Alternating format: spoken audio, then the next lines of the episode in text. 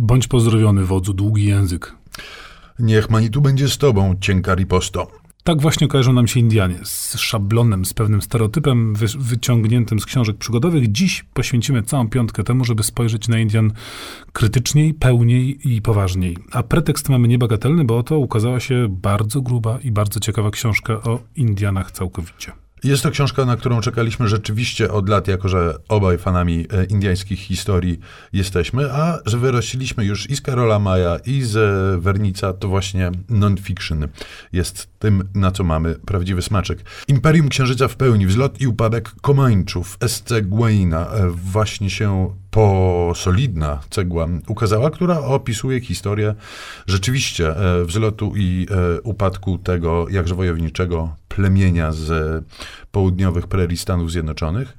Ona od razu rozbija pewne stereotypy, które mamy w głowie. Nam się wydaje, że ci Indianie tam sobie śmigali w małych grupkach po szerokich, trawiastych równinach, a tu okazuje się, że spotkanie w pierwszej połowie XIX wieku e, Stanów Zjednoczonych, czy świata białych z światami Komanczów, to było zdarzenie dwóch wielkich państw, imperiów. To słowo imperium może to jest nie przez przypadek, jako że Komancze dominowali nad ol, olbrzymim obszarem, kontrolowali wielkie tereny białym ludziom niedostępne, schołdowali bądź wytępili inne plemiona indyjskie i rzeczywiście byli w stanie handlować, paktować i działać na e, tych wielkich obszarach. To jest imperium w takim sensie może bardziej podobne do mongolskiego, czyli bardziej przenośny i tu koń okazywał się być oczywiście postacią e, fundamentalną, narzędziem e, i podstawą tego imperium.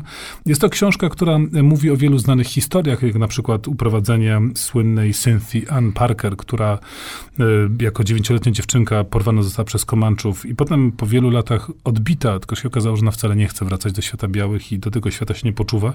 To trochę rozwalało taką powszechną perspektywę e, białych Amerykanów i to wszystko powiedziane w sposób głęboki, przemyślany, odkłamujący. Do tego jeszcze przetłumaczone zostało i skomentowane przez Bartosza Chlebowicza, polskiego eksperta od spraw indiańskich, który czasem coś uściśla coś dopowiada i niewątpliwie dostaliśmy do, do, do ręki bardzo kompetentną książkę.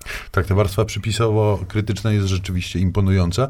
Poza tym e, takim historycznym rysem mm, Komańczów, tu też są dość wzruszające te historie, mm, historie pojedynczych ludzi, jak chociażby ostatniego wodza, który skończył trochę lepiej niż Jeronima na przykład, który zamarzł gdzieś tam w rowie po pijaku, bo zbudował dom, dom ozdobiony pięknymi, białymi gwiazdami i jakoś do końca dni swoich e, postarał się utrzymać to, co biały człowiek Indianom chciał za wszelką cenę zabrać, czyli godność osobistą. Co było później, no chciałoby się przeczytać dalszy ciąg historii Komańczów, który jak wiemy nie jest specjalnie wesoły.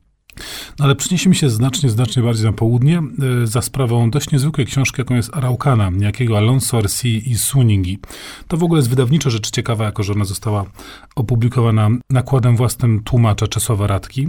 Jest to epos rycerski, napisany przez tegoż właśnie Arsia i Sunigę, hiszpańskiego konkwistadora, który w wieku XVI toczył razem z Hiszpanami boje przeciwko Araukanom, dziś nazywamy ich raczej Mapuczami, no bo to Hiszpanii natknęli się na terenach dzisiejszego Chile na lud Y, równie bitny co Komanczowie, równie niechętny do przyjmowania białych, białej dominacji.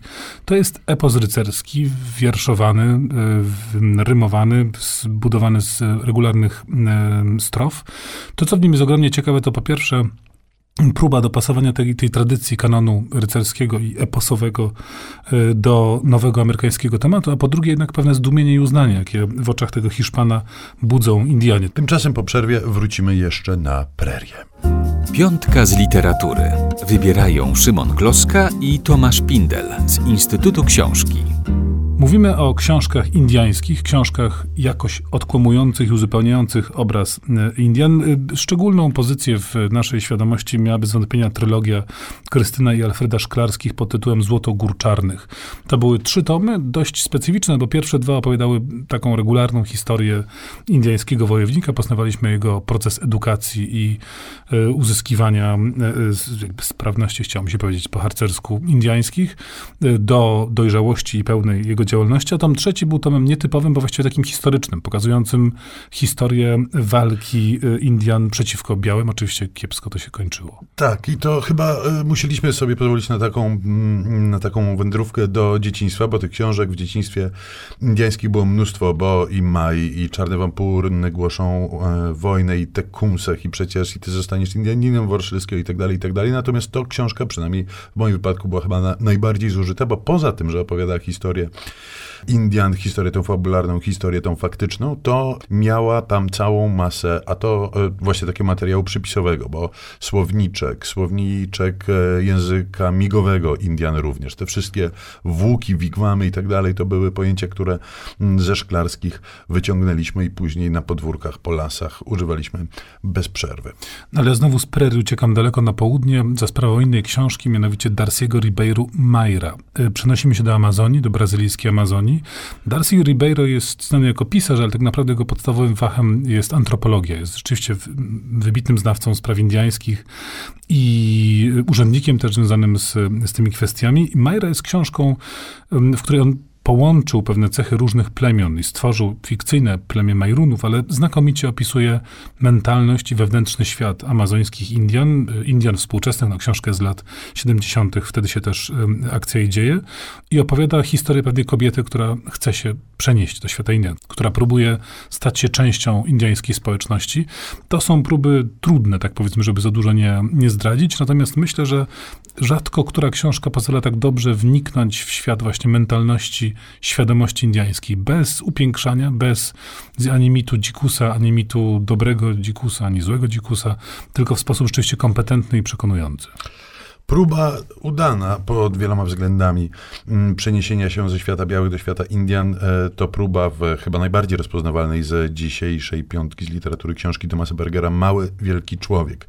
Znana ta książka głównie za sprawą ekranizacji. Ja natomiast namawiałbym do sięgnięcia po literacki pierwowzór. To jest książka, która opowiada historię mm, Jacka Kraba, który rzeczywiście stał się Indianinem, będąc białym. I to mm, ktoś kiedyś mądrze powiedział, że bycie białym Indianinem to w tym czasie była jedy było jedyne dobre rozwiązanie, no bo Indianie byli skazani na wymarcie, o czym już wtedy wiedzieli i przegrywali wojnę z białymi, a z kolei biali, co tu dużo mówić, byli potworami, którzy bezlitośnie e, wycinali w pień indiańskie społeczeństwo, nie szczędząc absolutnie nikogo. W książce Bergera pojawiają się też postacie historyczne, całkiem jest ich sporo, od Wyatta Erba przez e, Buffalo Billa po mm, niech będzie przeklęta pamięć jego generała e, Castera, który poniósł klęskę pod Little Big Horn, która tylko dlatego, że była Wiktorią Indian, jest nazywana przez część historyków amerykańskich per masakra, co uważam za jakiś skandal absolutny.